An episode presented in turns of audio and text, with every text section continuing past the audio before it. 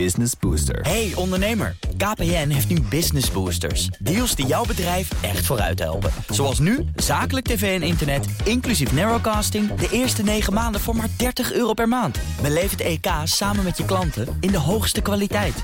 Kijk op kpn.com slash businessbooster. Business Booster.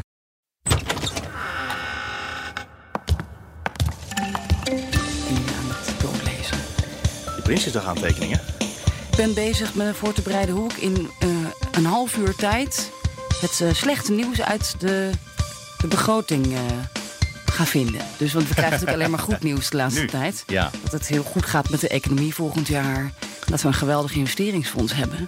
Maar ja, als het dan naar buiten komt, dan moet je natuurlijk als een gek op zoek gaan naar het slechte nieuws. En hoe doe je dat? Dus daar ben ik nu me op aan het voorbereiden. Oh, maar, maar dan hebben jullie het nog makkelijk, want jullie krijgen het allemaal digitaal. De laatste keer dat ik Prinsjesdag deed in Den Haag, toen moesten we met een karretje 25 kilo aan rapporten halen. Voor elke ministerie een, eh, een papieren versie van eh 2 centimeter dik. Mag, ik daar, mag ik daar twee dingen over zeggen? Ja. In de eerste plaats, toen jij dat karretje met papier kreeg... toen kreeg je dat drie, vier dagen van tevoren. Nee, dat was op de ochtend zelf. Nou, de ochtend dus. Eén of twee uur voordat het eh, naar buiten kwam. Ja, wij krijgen dus tegenwoordig de stukken... Ja. terwijl onze Prinsjesdag-uitzending al begonnen is. Om kwart over drie gaan de stukken online. Dat is En eh, ze hebben elke vorm van embargo-regeling afgeschaft. Dan een, een paar jaar voordat jij het dus op de ochtend kreeg... heb ik het ook wel eens gedaan. Toen werkte ik nog bij de NOS. En heb ik het wel eens daar geholpen met Prinsjesdag. En eh, toen kreeg ik het al op vrijdag. En dan had je of op zaterdag. Het hele weekend kon je voorbereiden. Ja, Ja, er waren briefings het hele weekend door. Waar alles werd verteld over wat er in de begroting stond. Ja. Ehm, en eh, daar zijn ze mee gestopt. Maar het tweede punt. Je zegt van, eh, je hebt nu makkelijk, want je hebt een pdfje. Ja, dan kan je doorzoeken, toch? Nee, ik wil een, eh, misschien is het ouderwets, maar een papieren boek. Daar, daar blader je doorheen, dat valt ergens open, je komt tabellen tegen. Dat, dat, dat leest, Ja. als het snel moet, leest een, een, een stapel papier makkelijker dan een pdf. Nou ja. Want je moet overzicht hebben. Echt waar? Vind Ja. je dat? Ja, Kijk, als ik je snap wat Laurens zegt. Maar het is als je nou weet dat je op zoek bent naar alles wat met scheepvaart te maken heeft of zoiets. dan Ja, maar je weet niet waar je naar op zoek bent. Dat is het punt. Ctrl-F, Nee, maar je weet, scheepvaart. niet, je weet niet wat je zoekt. En je zoekt gewoon eh, gekke dingen. Ja. En gekke dingen kan je niet in de zoekterm van PDF invoeren. Nee. Maar ik En heb wel een paar papier. tips gekregen. Nou, ik moet sowieso kijken naar de grote financiële problemen. Ook ja, bij gemeentefonds. Eh, de hogere zorgkosten wordt, eh, wordt problematisch. En eens even kijken. hoor. Ik heb een, een paar. Er komen nog wat stiekeme hervormingen. Stiekeme hervormingen. Ja, wat, je, wat er dus ook gebeurt met Prinsjesdag, dat is elk jaar hetzelfde. Eh, vandaag, de vrijdag voor Prinsjesdag, nemen we dit op. Vandaag krijgen de Kamerleden hun eh embargo-stukken. Dus de Kamerleden krijgen het wel van tevoren. Ja, dat is dan altijd een eh, geheime operatie. Eh, handtekeningen. En dan krijgen, krijgt één Kamerlid krijgt dan die stukken. En die gaat dan de hoofdstukken die gaan, die vallen bij een bepaald Kamerlid in het specialisme. Die gaat hij dan verspreiden. Dus elk Kamerlid gaat dan dit hele weekend zeg maar zijn begroting lezen. En, en voert dan de partijleider met eh, opmerkingen die dan uiteindelijk in het debat van de algemene beschouwingen langs moeten komen. Eh, echt gelekt wordt er eigenlijk nauwelijks. Er wordt wel eens. eh, dat je alleen de ministers doen dat en de ministeries. Ja, vandaag zal je wat, je. wat je vandaag gelekt krijgt, dat is ook traditie. Dat is zeg maar het, het motto of het voorblad. Ehm, en, en dat is het dan. En wat cijfers en zo. En de introductietekst. Dat soort dingen van de miljoenennota worden wel gelekt. En het geinige, wat mij elk jaar weer opvalt bij Prinsjesdag. Ze hebben de embargo-regeling dus afgeschaft een paar jaar geleden. Omdat de pers zich er niet aan hield.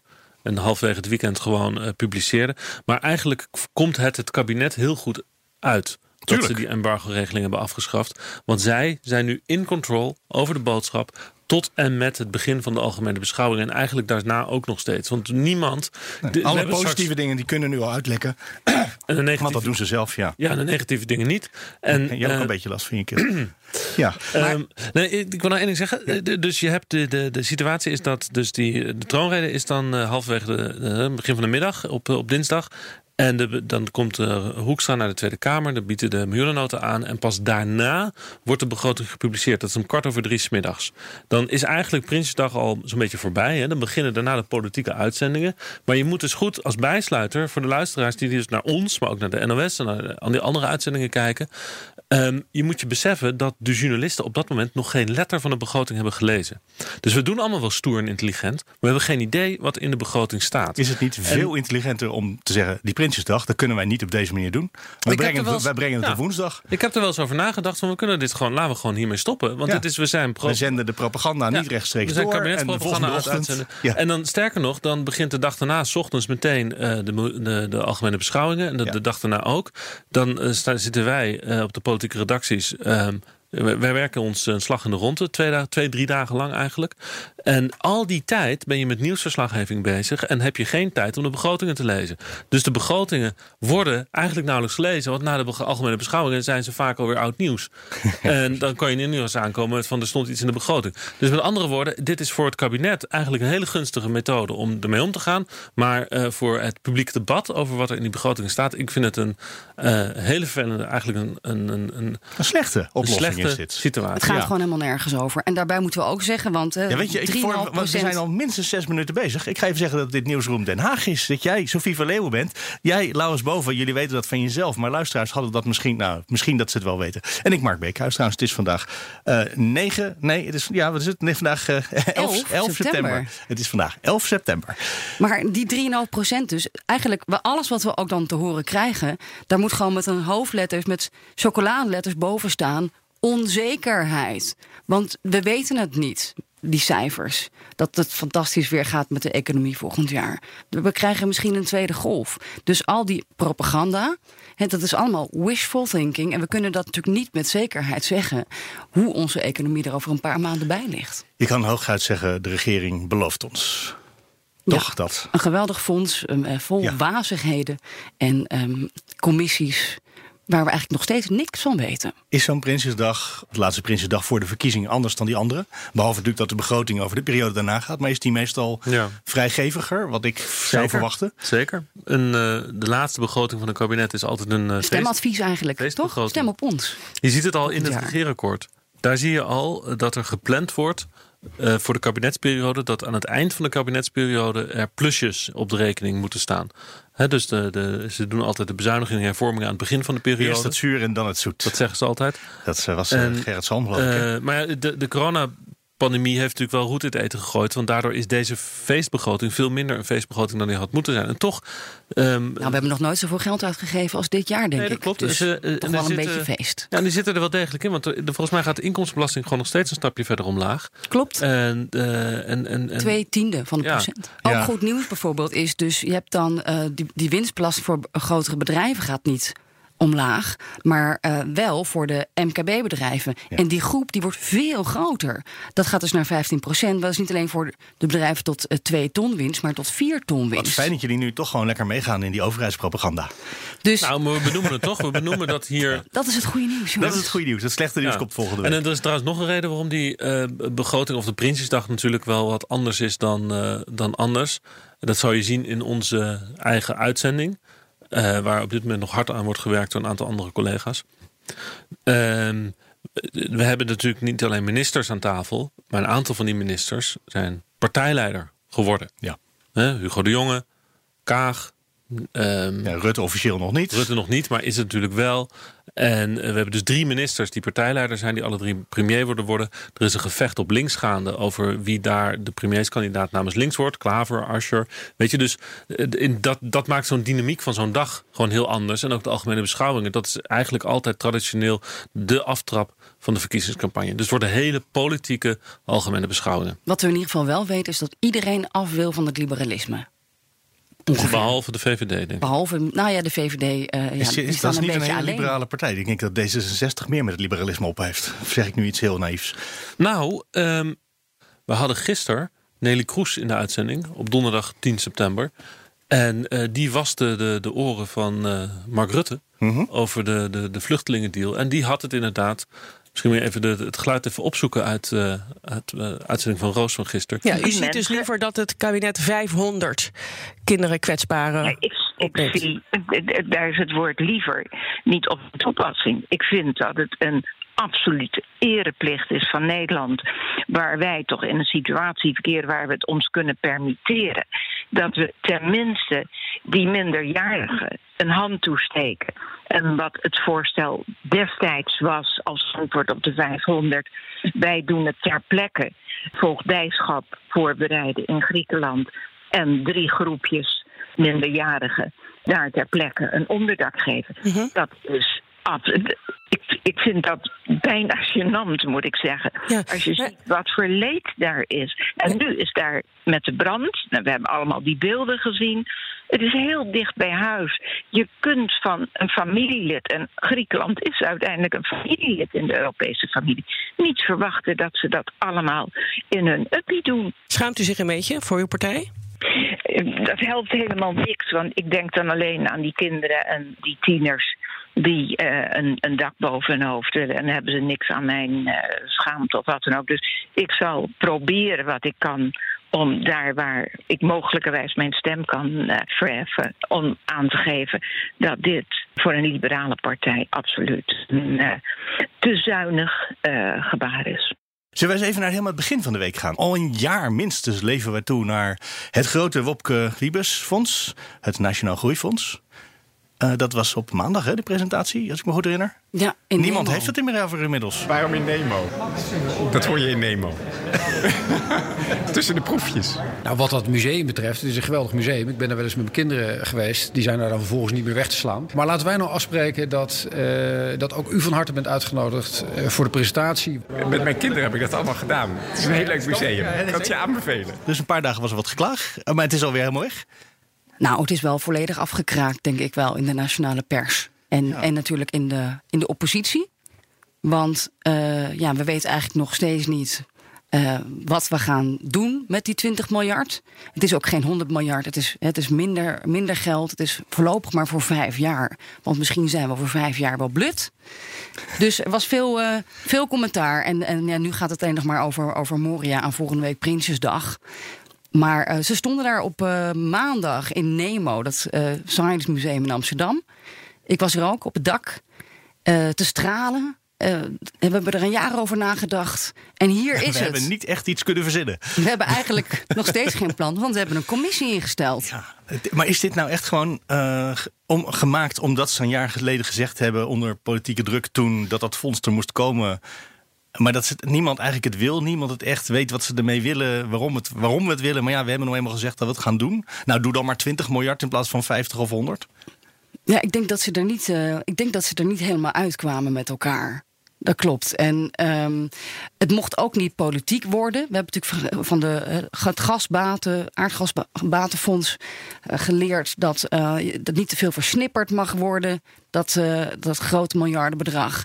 Eh, dus als je daar politiek om gaat vechten, dan wordt het weer niks. Ja. En vervolgens gebeurde dat natuurlijk deze week. Want ja, de, hele Kamer ging eroverheen. En nu is er geen meerderheid in de Eerste Kamer. En nu wil GroenLinks, eh, gaat waarschijnlijk vandaag of morgen een tegenvoorstel doen. Met een groener eh, investeringsfonds. Nou, de PvdA die, heeft ook nog een heel wensenlijstje. Dus als je die meerderheid wil halen in de Eerste Kamer, dan krijgen we dus nog een versnipperder fonds dan we al hebben. Want het, het gaat Of een al. beetje verkleurd. Want dat kan natuurlijk zijn dat het hele fonds die kant uitgebogen wordt. dat het een beetje een, eh, een, eh, een, een, een duurzaam fonds moet worden. Maar het, het- ja. ook een probleem, dat gaan we Prinsjesdag zien. Hè, de Raad van State gaat er nog een plasje over doen. Kan dit eigenlijk wel? Want eh, dit is ook tegen misschien de regels. Dat is wat er wordt geroepen in de Kamer. Welke regels? dat de Kamer een budgetrecht heeft en die mogen beslissen waar het geld naartoe gaat. Maar nu eh, zeggen we: hier heb je een zak geld van 20 miljard. En eh, de commissie gaat bepalen waar het naartoe gaat. Dat is niet democratisch. Dus Hmm. geef, kom hier maar dat geld, zeggen ze. Wij willen beslissen waar dat naartoe gaat. Fascinerend dit. Dat hadden ze toch ook in het afgelopen jaar wel kunnen voorzien, zou je denken. En hebben ze dan een jaar over nagedacht? Ja. Had het dan meteen Misschien waren ze bezig met andere dingen. Er was natuurlijk een coronacrisis. Maar niet in alle ministeries. Maar ze willen natuurlijk voorkomen dat, eh, dat dat een soort politieke kerstboom wordt. Ja, Met, met eh, projecten die door politici bedacht zijn. En, en de Maar dat zou je toch juist dat dat willen? niet, nee, nou niet Je zou toch juist willen dat we. Ja, nou ja, we hebben die mensen verkozen om ons te representeren en keuzes namens ons te maken. Jawel, maar ze zijn heel erg bang dat. eh, kijk, de, de- het, moet, zo- het moet ook lonen, zullen we maar zeggen. Hè? Eh, dat is de idee van dat fonds: dat het investeringen zijn die de economie beter maken en Ja. die zich terugverdienen. Ja. En, het eh, BBP-effect moet je kunnen aantonen als je een plannetje hebt. Ja, en dat zijn eh, waar de politici in ieder geval van zichzelf vinden dat zij daar niet de meest geschikte personen voor zijn om dat soort uh, afweging te maken. Dan krijg je allerlei uh, projecten die uh, geld verslinden, maar nooit iets opleveren, zeggen ze van zichzelf. Ik denk dat het verleden, verleden leert dat er voorbeelden zijn van politiek Zeker. gestuurde projecten die volledig misgelopen zijn. Maar er zijn En je wilt ook voorkomen natuurlijk er dat zijn je... er denk ik ook die, die wel geslaagd zijn. Dus Ja. het is een keus. Maar trouwens, over die commissie, die onafhankelijke commissie, daar viel mij trouwens wel nog iets interessants op. En dat is een van de leden. En Dat is namelijk eh, Prins Constantijn. Die zit, dat is een van de tien eh, juryleden Ja. of eh, commissieleden. Dat is de broer van de koning. Ja, En eh, eigenlijk onze reservekoning. Hè? Als, als Willem-Alexander en Maxima iets overkomt. Ja. dan is hij regent tot eh, Amalia eh, volwassen is. En, eh, maar het, het punt is meer dat eh, hij eh, valt onder de ministeriële verantwoordelijkheid van Mark Rutte. Oh. Hij, zit, hij is lid van het Koninklijk Huis. En nu is het zo dat hij natuurlijk redelijk een vrije rol heeft. Hè. Hij doet koninklijke dingen, hij helpt zijn broer. Maar hij doet ook, houdt ook zijn eigen broek op. Hij is een, een zakelijk adviseur. Hij zit in de Startup Delta inderdaad. Hij is ook vaak bij ons in de uitzending. Eh, maar goed, in dit geval gaat hij natuurlijk toch eh, meebeslissen over de besteding van belastinggeld.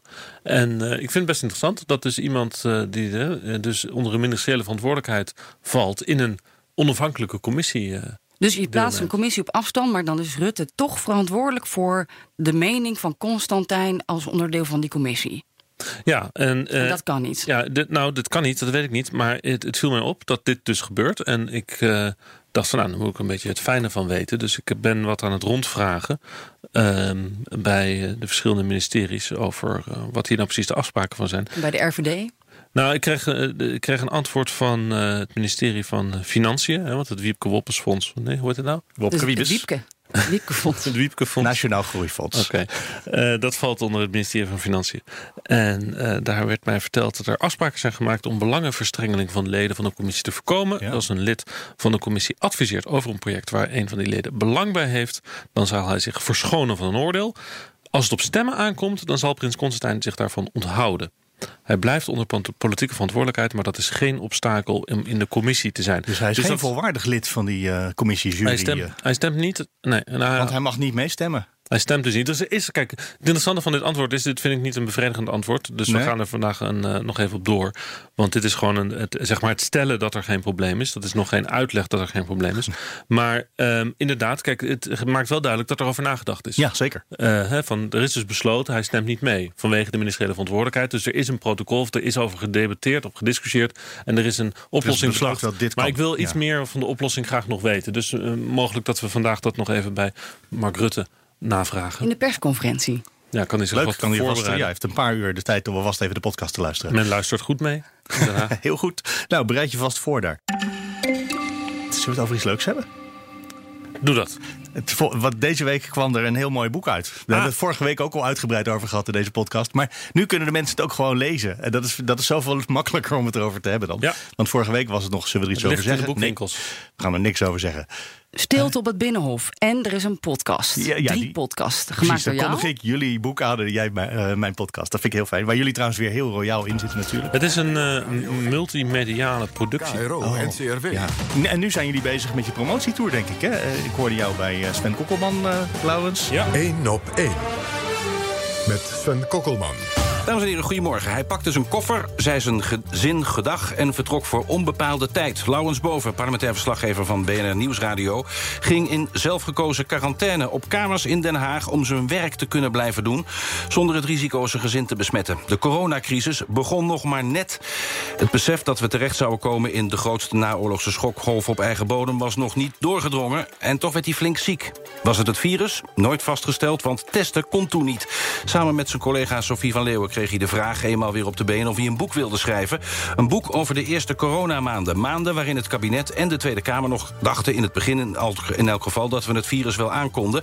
Dat we erop waren voorbereid, een enkeling uitgezonderd. Maar daarna sloeg de paniek toe en was het alle hens aan dek. En moesten ministers en hun ambtenaren dingen doen... die ze eigenlijk nog nooit eerder hadden gedaan... en die ze in hun wildste dromen nooit voor mogelijk hadden gehouden.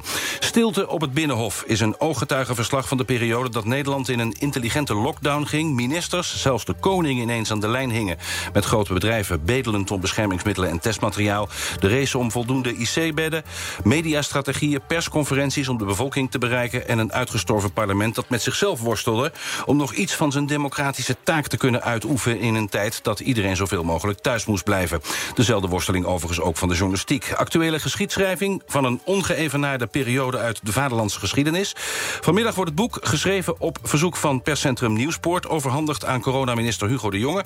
werkgeversvoorzitter Hans de Boer en aan Joost Vullings... collega van Eén Vandaag, die kent u wel... voorzitter ook van de parlementaire persvereniging. Drie van de lange lijst van betrokkenen... die zich voor het boek hebben laten interviewen. We moeten praten, Lauwens. Van harte welkom bij 1 op 1. Wat is jouw overheersende beeld eigenlijk als je die uh, maanden terugkijkt en dat boek leest, wat je zelf hebt geschreven? Nou, wat je net voorlas, de, jouw introductietekst, dat dat wel de achterflap mogen zijn. Vanmiddag zit u in de Friday Move. Ik zit nog een beetje, ik zat te mailen net met Vert Grapperhaus, de minister. Oh jee. Want uh, op één wil ons alleen hebben als Grapperhaus erbij is, of de jongen.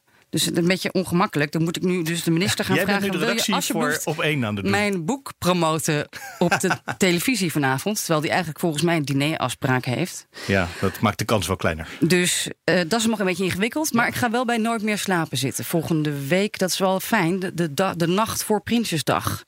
Op Zit maandag. ik daar dus. ja, van, van middernacht tot één. Een heel uur Heel lang. fijn, in Hilversum. Leuk. Ja, en ik, ben, ik heb al een voorgesprek gehad. Het was een soort van psychologische sessie waar ik, eh, waar ik een beetje, nog steeds een beetje in shock van ben. Oh, ze zijn meer geïnteresseerd in jou dan in het boek? Ja, ik heb het idee dat ze alles van me willen weten. Hele waar, waar ik eigenlijk zelf nog nooit over had nagedacht. Zoals? Ja, nou, over mijn Franse identiteit en wat dat dan is. En hoe dat ze- zich dan in Den Haag, hoe dat dan tot uiting komt in mijn werk. Ja, geen. Je hebt nog tot maandagnacht uh, erover na te denken. Nou ja, je stopt wel eens een Frans woord in je verslag. Ik stop wel eens een Duits woord. Ja, dat klopt. Dus uh, nou, het, is, uh, het is helemaal niet zo. De, de, de vraag is wat uh, imponerend geformuleerd. Maar ik snap hem wel. Ja, ik snap hem. Want um, kijk, je, bent, je hebt in het buitenland gewerkt. Je hebt een Franse achtergrond. En je hebt in Brussel gewoond. Natuurlijk neem je dat mee. Hè? Je zit in een andere cultuur. Dat neem je mee naar hoe je naar Den Haag kijkt. Ik hey, herken dat in ieder geval bij mezelf. Doe nou over... niet alvast het hele gesprek van uh, Pieter van der Wielen. Ja. Die gaat dat doen op... Uh, ja, precies. Uh, ja. Pieter van der Wielen. Doe hem de groeten. Je hebt ooit nog met Teliak samen bij hem gewerkt. Waarschijnlijk gaan we over... Teliak? Ja, oh. Teliak Radio. Bestaat dat nog? dat is de T van de NTR. Tegenwoordig. Ah. Dus nee. Het ja. verrast me altijd een beetje hoe oud je eigenlijk bent. Keioud. Hoe oud ben jij? 43. Ja, precies. Ben jij al 43? Ja, jij ook. Uh, nee, nee, nee, ik niet. Nee, nog niet. Je wordt, nog niet. Dit jaar word jij 43. In oktober pas. Ja, dan ben ik toch wel goed. Wat ben ik? 1 of 52 of zoiets? Wat is het? Het is 2020. Ja, dan ben ik uh, 51. Oké. Okay. Hoe dan ook, we gaan het hebben over de revolutie, dus maandag. La Marianne, de Franse revolutie. Zie je nou wel? Zie je nou wel? Hier, dat komt ja, zo. Nou, jij nog een Duits woord, dat lukt het vandaag. Ja. Is dat leuk eigenlijk om Weer dat te doen? das. Een, uh, ja, is exact. Maar, die komt zo bij Moria, die uh, weer schaffen is niet in dit geval. Ja. Uh, is dat leuk om uh, met Sven Kokkelman over je boek... Je, je hebt het in een half uur bijna het hele boek besproken. Hè? Echt ja. heel knap hoe die dat deed. Ja, ja ik heel veel van. Uh, het is eigenlijk een, het is geen BNR-boek. Het is het uh, boek wat we hebben geschreven op verzoek van Nieuwsport, het perscentrum. Eigenlijk namens de, de hele pers en de groeggemeente daar. Um, ik kreeg inderdaad een opmerking. Want dat, ik heb dat interview dus gedaan voor de boekpresentatie in uh, Nieuwsport. En was een van die mannen van uh, Nieuwsport die zei: ja, Je hebt alles al weggegeven bij Sven. maar. Uh, Ze hadden het goed gelezen, dat was zeker waar. Nou ja, nee, Sven vond het een, een heel leuk boek. En daar ben ik blij mee. Want dat, ik vind het zelf ook een heel leuk boek. En wat ik zelf bijzonder het is vind ook aan een het heel boek, leuk boek. En het is ook heel fijn geschreven. Echt, Ja, leest ja. als een trein. Nou, wat ik vooral leuk vind eraan, is dat het gelukt is om dus een kleine 50 mensen te spreken terwijl de wedstrijd nog gaande is. En het is dus eigenlijk een uh, soort uh, verslag, kleedkamerverslag. Tijdens de rust tussen de eerste en de tweede helft. Ja, voor de tweede golf, precies. En de mensen zitten nog vol met de adrenaline en de spanning en de angsten en de gevoelens uh, in hun lijf. En, en, en, praten over wat ze zelf gedaan hebben. En wat anderen gedaan hebben, wat ze om zich heen hebben zien gebeuren. En dat geeft een heel mooi inkijkje. En ik vind het journalistiek of historisch belangrijk dat we uh, als journalisten erin slagen om dit soort dingen te doen. Weet je, want een, Niet alleen de krantenkolommetjes en de radioverslagen, maar ook iets, net iets meer. Het ongemak meer. achter de schermen. Het Ja. ongemak van de Kamerleden, van de journalisten, ook van de minister, zelfs van Grapperhaus. Die op zijn persconferentie maatregelen staat te verkondigen die hij eigenlijk juridisch nog helemaal niet rond heeft. Ja. En echt denkt: oh my god, als dit maar goed gaat. En als je dit soort ehm, eh, verslagen of reconstructies schrijft een jaar na dato, dan heeft iedereen er al heel lang over nagedacht. Hebben ze dingen al verwerkt? Ehm, zijn er misschien al officiële onderzoeken gepubliceerd? En hè, dan worden meningen aangepast aan de onderzoeken, zodat het Ja, allemaal netjes binnen de past. lijntjes Er past. komen er voorlichters die gaan framen voor de verkiezingscampagne. Ja, al dat soort dingen gaan meespelen. En wij hebben ze nog eigenlijk op een moment gesproken dat het puur was.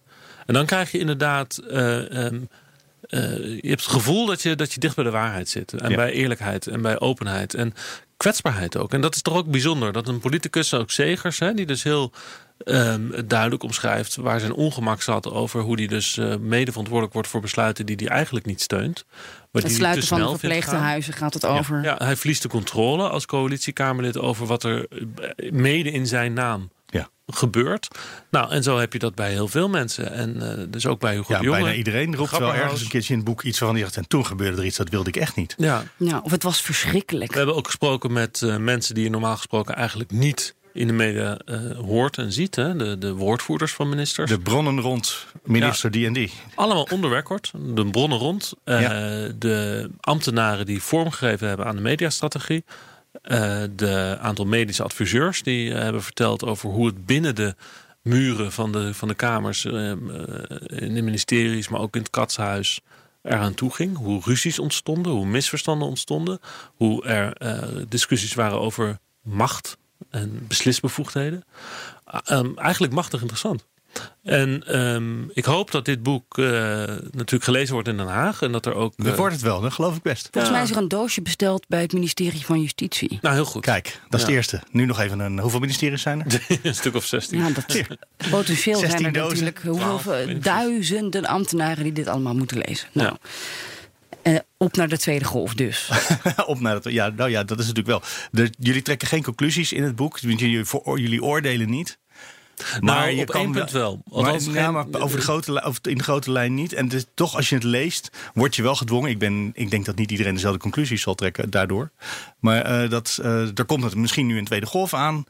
En als je dan het boek van de eerste golf leest, dan kan je al nu eens denken: oh wacht, dat ging de vorige keer ook op deze manier goed of fout. Nou, nou ja, inderdaad, een van die dingen die dus heel opvallend is. En eh, wa- wat, wat een oordeel raakt, of in ieder geval een soort van conclusie.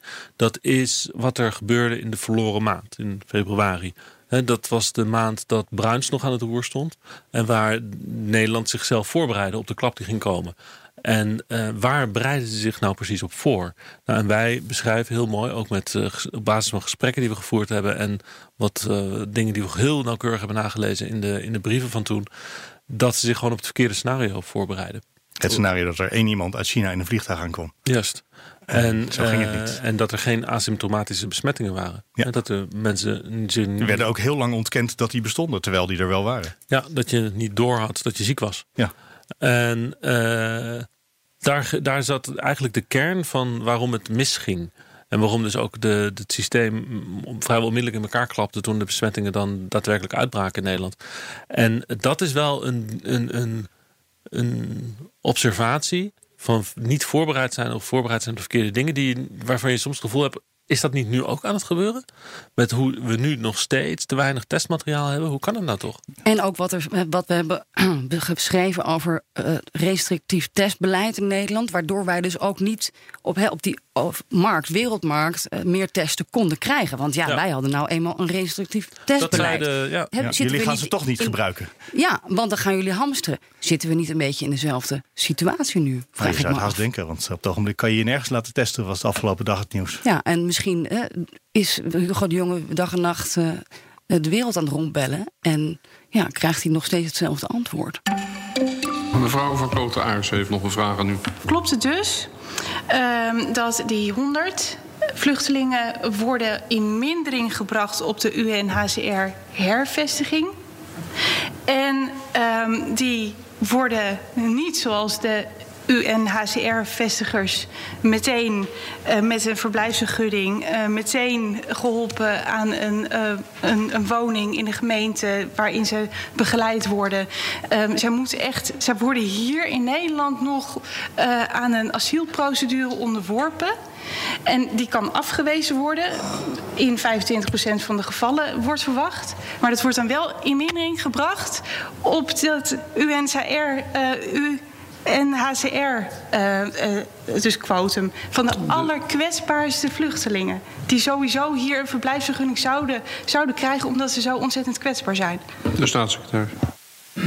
Ja, voorzitter, kansrijke mensen. Maar ze komen wel hier in de asielprocedure. En ze worden niet onderworpen aan de asielprocedure. Nederland heeft een hele goede, goed lopende asielprocedure. Gisteren, heel zorgvuldig. avond, was er een uh, debat in de Tweede Kamer over uh, de spoed, het spoedakkoord. wat binnen de coalitie gesloten is. over hoe er nu moet worden gereageerd op de brand uh, op Lesbos, ja. vluchtelingkamp Moria.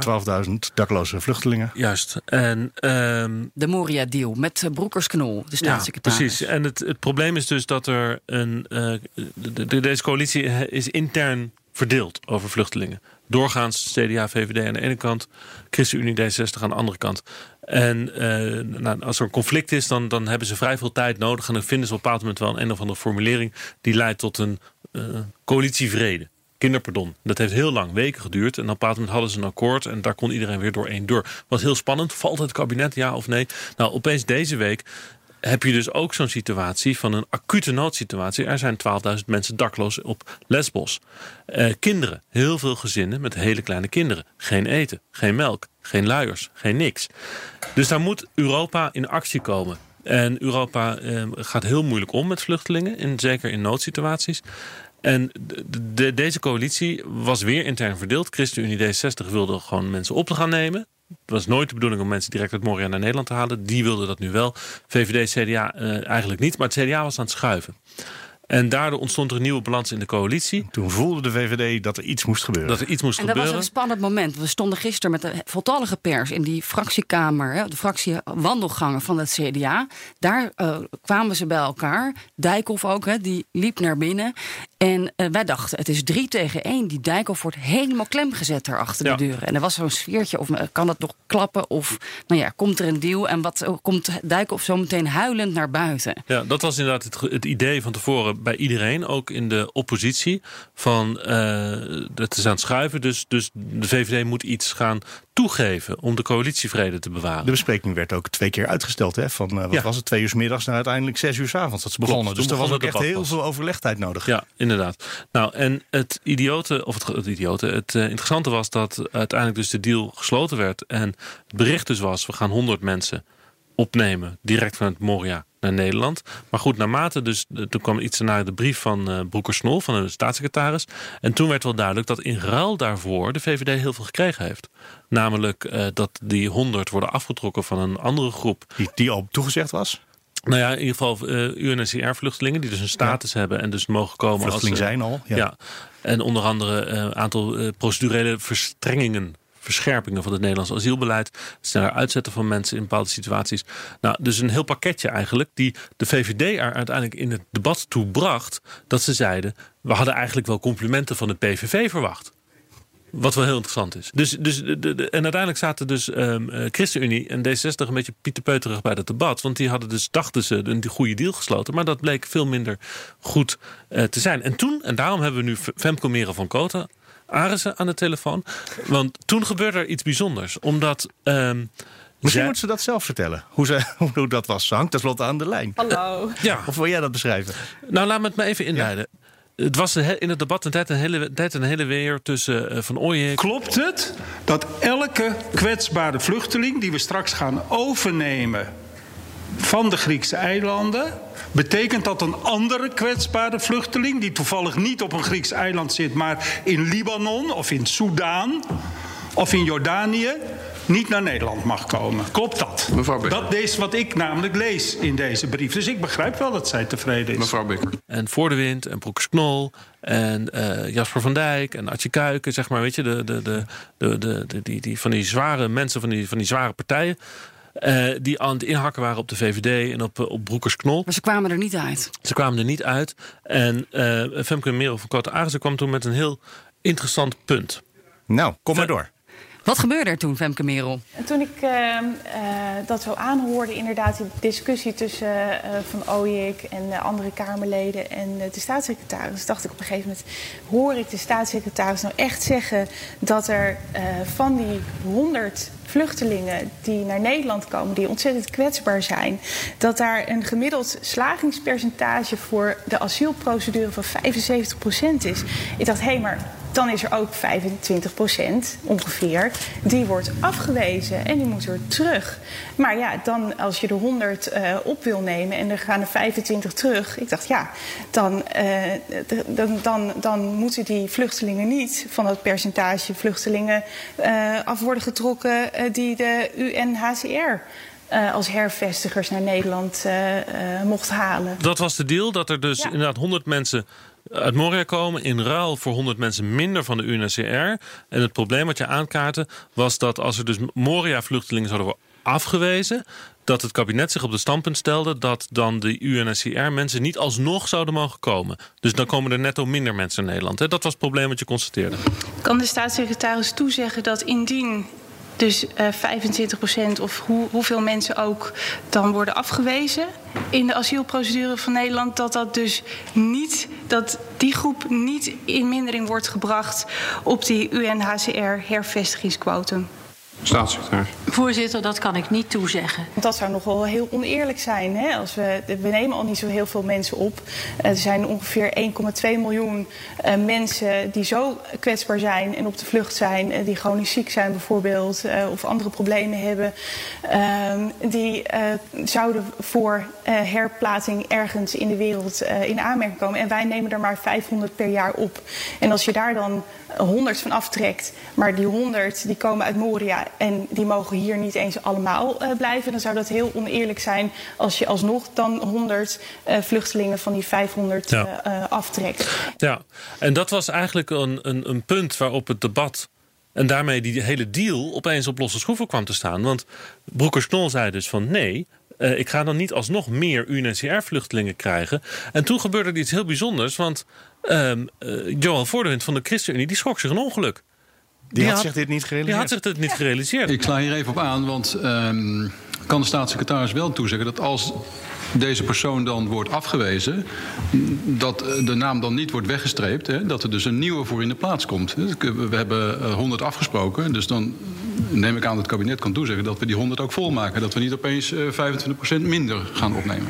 De staatssecretaris. Ja, voorzitter, daar moet ik toch ook een, eh, eh, de heer Vervoerdewind in teleurstellen. Hij had zich het niet gerealiseerd. Hij had opeens door... ik heb een fout gemaakt in mijn onderhandelingen. Ik ben... Ik heb een, eh, van Ooyek die noemde dat... een kat in de zak. De is VVD had nog meer binnengehaald dan iedereen zich realiseerde. Ja. Dus, Ze eh, zat helemaal niet huilend in de hoek, Sophie. Nee, hij zat uh, Wist de VVD dit wel? Lachend liep hij de Is dat, kamer eh, uit. Weten we dat? Misschien- dat eh, mevrouw van Koten Arissen dat weet. Had de VVD dit wel zelf door? Ja, ik geloof het wel. Eh, dat we zeggen, eh, Bente Bekkers die zat, er, eh, zat er goed in. Ehm, en die had toch wel heel erg goed door wat de VVD had binnengehaald. Qua strenger asielbeleid en de voorwaarden die toch wel heel streng waren voor de vluchtelingen uit Moria die hier zouden komen überhaupt. Dus ik denk niet dat, ze, dat, ze daar, ehm, dat het een verrassing was dat er nog een deel van die vluchtelingen afgewezen kon worden. Nee. Maar jij prikte in je eentje prikte je dus een, eh, iets door in, in, die, in dat coalitieakkoord. Ja, en ik vond het ook wel apart dat de andere woordvoerders dat nog niet eh, gezien hadden. Hè. We kregen natuurlijk die brief heel kort van tevoren, 15 minuutjes. Ehm, en toen dacht ik al van, hé, maar hè, de- de- hebben ze dan al een verblijfsstatus als ze hier krijgen? Of gaan ze nog de helemaal molen door hier in Nederland voor die asielprocedure? Ehm, en gaandeweg kwam ik er dus achter dat die eh, Moria-vluchtelingen hier Ja. nog wel die asielprocedure door moeten eh, lopen.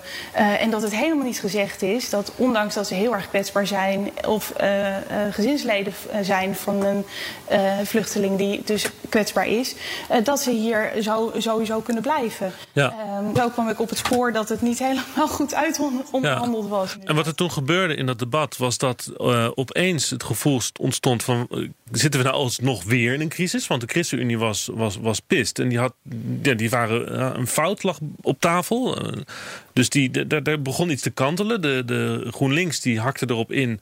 Want uh, Bram van Ooyek die, die zei van zo kan dit niet. Dus u zegt nu iets anders dan in de brief staat. En dit is onhelder. En uh, moet het debat schorsen.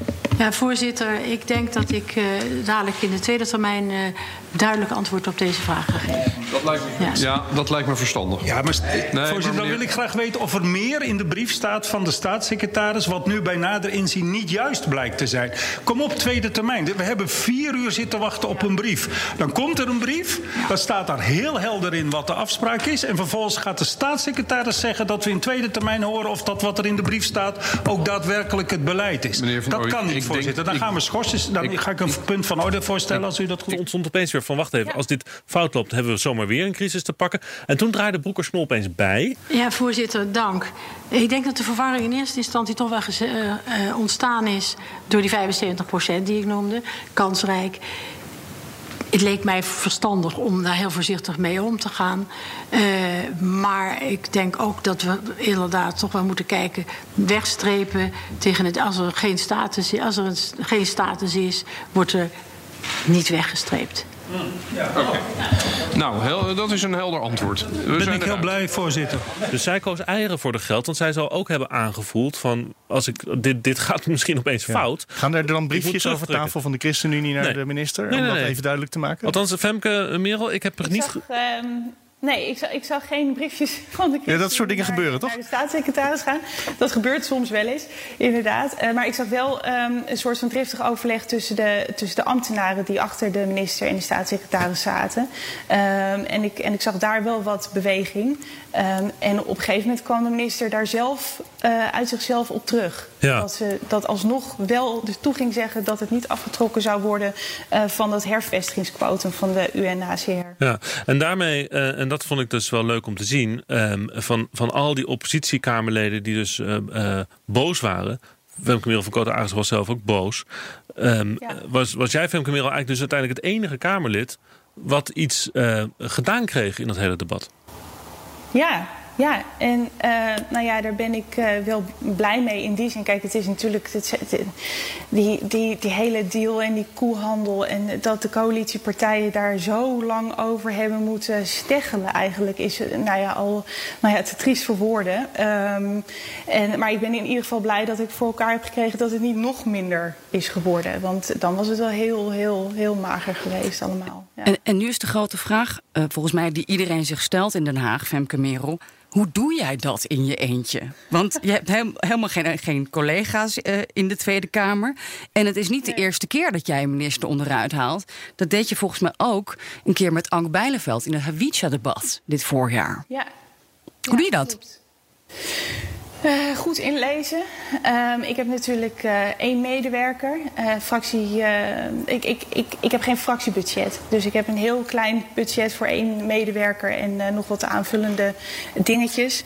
Um, en er moet alles van betaald worden. dus ik heb vrijwilligers, maar ik lees ook mijn stukken tot diep in de avond en in het weekend. En mijn man die helpt ook mee met lezen en dingen um, ja, uitfilteren wat van belang zou kunnen zijn. Maar word je wel eens ingefluisterd door, door slimme mensen of andere Kamerleden? Of uh, misschien Pieter Omtzigt die nee. nog een, een, vraag onder tafel schuift via jou? Um, nou, dat, dat, dat dan wel. Hè. We hebben natuurlijk wel, als we samen een, een groot debat doen... Uh, dan hebben we wel eens uh, overleg van hey, hoe gaan we de vragen insteken. En als we dan uh, vragen hebben, dan maken we een soort treintje bij de interruptiemicrofoon. dus we helpen elkaar wel. Um, Ook met Pieter trouwens. Een, ja, ja, dus ook als er dus een goede, als er iemand een goede ingeving heeft, uh, dan, uh, dan, dan geven we elkaar ook een seintje van haak hierop in. Uh, en soms uh, zijn er ook uh, aardige journalisten of advocaten die mij een appje sturen van hey, heb je hier nog aan gedacht? heb je die um, regel in de stukken gezien? Tijdens debatten ook nog? Dan, ja, ja, en daar kan ik dan soms ook nog op inhaken. Is dat gisteren gebeurd of was het een solo-actie? Dit, dit was een solo-actie, ja. En ik ben ook wel benieuwd, uh, krijg je nou al uh, uh, verzoeken om te solliciteren bij een van die andere partijen voor de komende verkiezingen? Nee, nee, nee helemaal niet. Nee. Oh. Nee. Zou je dat willen?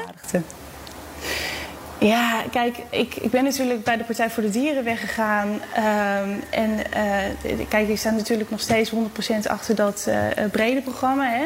Dus niet alleen voor dier, natuur, milieu, maar ook het, uh, het, het, het, menselijke. Um, en ehm, ja, ik, ik ben natuurlijk afgesplitst daar met pijn in mijn hart. Uh, en ik ben een hele tijd uh, onafhankelijk uh, geweest tot ik met Henk Krol samenging. Dat iedereen heeft kunnen meegenieten, tussen aanhalingstekens, dat dat misging. Um, en waarom dat misging. en ja, nu ben ik weer onafhankelijk. Dus ik, ja, ik, ik hoor een verzoening aankomen met de Partij voor de Dieren. Nee. nee, nee, nee. Nee, dat zal niet, niet gaan gebeuren. Um, maar ja, ik, ik, ik ben natuurlijk uh, uh, nu onafhankelijk. En het voelt wel echt als een, als een roeping, uh, dit, dit werk. maar waarom, dingen bereik. Maar waarom, waarom lukt het dan wel om in zo'n debat op een heel interessant moment... een scherpe opmerking te maken die een heel debat doet kantelen? Maar waarom lukt het dan niet om um, samen te werken met een aantal andere Kamerleden... in een, in een fractie? Want dat heb je toch ook nodig om uiteindelijk dit werk te kunnen blijven doen na verkiezingen?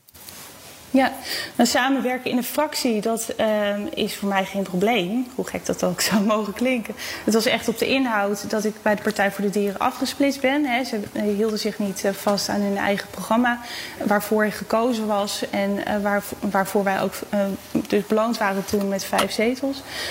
toen heb ik mij met, met pijn in mijn hart afgesplitst.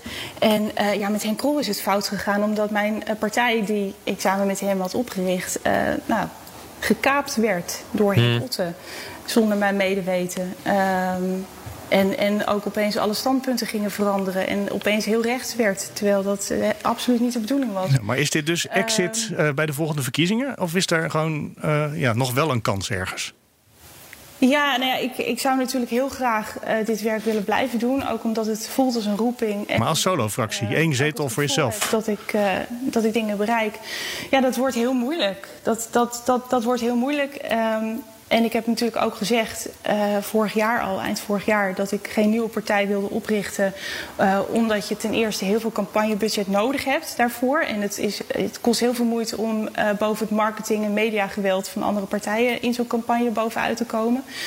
Um, en als je dan net geen zetel haalt, dan die restzetels die komen ergens in het politieke spectrum terecht. Ja. He, er wordt aan geschud en, en je hebt daar helemaal geen invloed op. Dus dat, dat kost een groene stem, of dat kost een diervriendelijke stem, of dat kost een sociale. Maar is er, iemand, uh, is er iemand die voor je aan het lobbyen is bij GroenLinks of de SP of de Partij van de Arbeid? Voor een, nee, voor een plekje op, een zet, op, op de lijst? Nee, nee. Dus wat is dan het plan? Want het was een roeping, maar dan zijn er verkiezingen ja. en dan stopt het. Ja, die uh, kans is wel groot dat het, uh, dat het stopt. Ik denk uh, dat er zelfs mensen zijn die je gaan, die dat, die, die je gaan missen. Zou dat zo zijn? Ja, ik, ik hoop natuurlijk dat ik ontzettend gemist ga worden als ik geen zetel ga halen. Um, maar heeft het, dan, heeft het dan ook iets te maken misschien dat andere partijen jou zien als een. Um, als, als een, een, het klinkt een beetje onaardig, maar als iemand die niet untouchable. Hè? Van, van die heeft al bij zoveel partijen gebroken. Uh, mm -hmm. die, die, die, die, die, die past niet in deze structuur van fracties en fractiediscipline en loyaliteiten tegenover een leider. Dus die, die vertrouwen eigenlijk niet binnen onze structuren. Is, is, is dat ook misschien iets wat dan, wat dan meespeelt? Ik zou, ik zou het niet weten. Ik heb, ik heb dat niet aan andere partijen uh, gevraagd. Ik heb, ik, heb er ook niet, ik, heb niet ook, ik heb ook niet aan andere partijen gevraagd om uh, daar op de lijst te komen. Dus dat weet ik niet. Komt er nu een lijst van Cotarissen? Kijk, als, ik, ehm, als er genoeg mensen zijn en daar helpt dit natuurlijk ook bij. En dat nu het NRC mij opeens bestempelt als het Kamerlid van de dag uh, gisteren. Dat is natuurlijk al een enorme eer uh, dat je dat als afsplitsertje in je eentje uh, dan toch bereikt. Kijk, als er nou heel veel mensen zijn die zeggen van wij willen Femke Merel terug. um, ja, en ik heb precies. het gevoel dat ik een zetel kan halen, dat het haalbaar is, dat er genoeg mensen uh, ook op mij uh, gaan stemmen en willen stemmen. Uh, dan wil ik er echt absoluut voor vechten om dat eh, mogelijk te maken. Ehm, ja, en dan moet ik heel snel gaan bedenken hoe ik dat uh, ga doen. Kijk, ik ga natuurlijk uh, door met dat, uh, met dat mediaplatform. met dat op de website dat leden echt inspraak kunnen hebben. En dus volledig inzicht in wat ik, wat ik doe als Kamerlid. dat wordt ergens deze maand wordt dat, gelanceerd. En dat ga ik gewoon, gewoon doen. En kijken hoe dat, hoe dat valt. Ze zijn nog niet van je af. Dat is volgens mij duidelijk. Dankjewel dat we even konden bellen in deze podcast. Ja, graag gedaan. Tot volgende week. En dan komen we aan het einde van de podcast. Hè? Want zeggen we dan nog altijd even dat iedereen moet stemmen op het ogenblik op de Dutch Podcast Awards. Oh ja. Daarvoor moet je naar podcastaward.nl, podcastawards.nl slash nomineren. Kan je, dan, Dan eh, kan je je- daar ook op stilte op het Binnenhof eh, stemmen? En Eigenlijk? Stilte op het Binnenhof is een miniserie van Nieuwsroom Den Haag. Dus dan moet je stemmen op... eh, het is nomineren alleen nog nu, hè. Maar dan moet je dus Nieuwsroom Den Haag nomineren. Wat ik je sowieso iedereen zou willen aanraden. En dan kan je nog twee andere ook... eh, Ja, eh, dus ja. deze podcast moet je nomineren. Nieuws Ja. van Den Haag. En voor Ja. wanneer moet dat? 18 september, zeg ik uit het hoofd. Dus dat is, je hebt nog een week, maar eigenlijk is het... eh, je moet dat soort dingen niet uitstellen. Gewoon meteen nu even doen. We moeten campagne gaan voeren. Ja, je hebt nog een paar dagen. Oké, gaan we doen. Vanmiddag alle politieke collega's eventjes aanspreken daarop. Eh, en, Ik zal eh, Grapperhaus even vragen. Precies. Als nou gewoon de hele regering ons nomineert. ja. Ik weet eigenlijk niet. Hij is wel van het Instagram, dus ik denk wel dat hij een podcast luistert. Kan- ze hoeven niet te luisteren, ze moeten nomineren. Dat is iets heel anders. Binnenhof Nieuws Radio wordt het dan, hè? Binnenhof Nieuws, ja, precies. Iedereen wordt al zo lacherig. We gaan er lekker een eind aan breien. Tot volgende week. En eh, voor de mensen die via Nieuwsroom luisteren, die andere podcast die je ook zou kunnen nomineren. Tot maandag. Even kijken of hij gemaild heeft hoor. want Dan moet ik toch gewoon even meer, maar ik denk het niet. Nog geen antwoord van Vert. Hè? Vert, niet Fred. Vert zeg ik toch. Oh, ze- oké.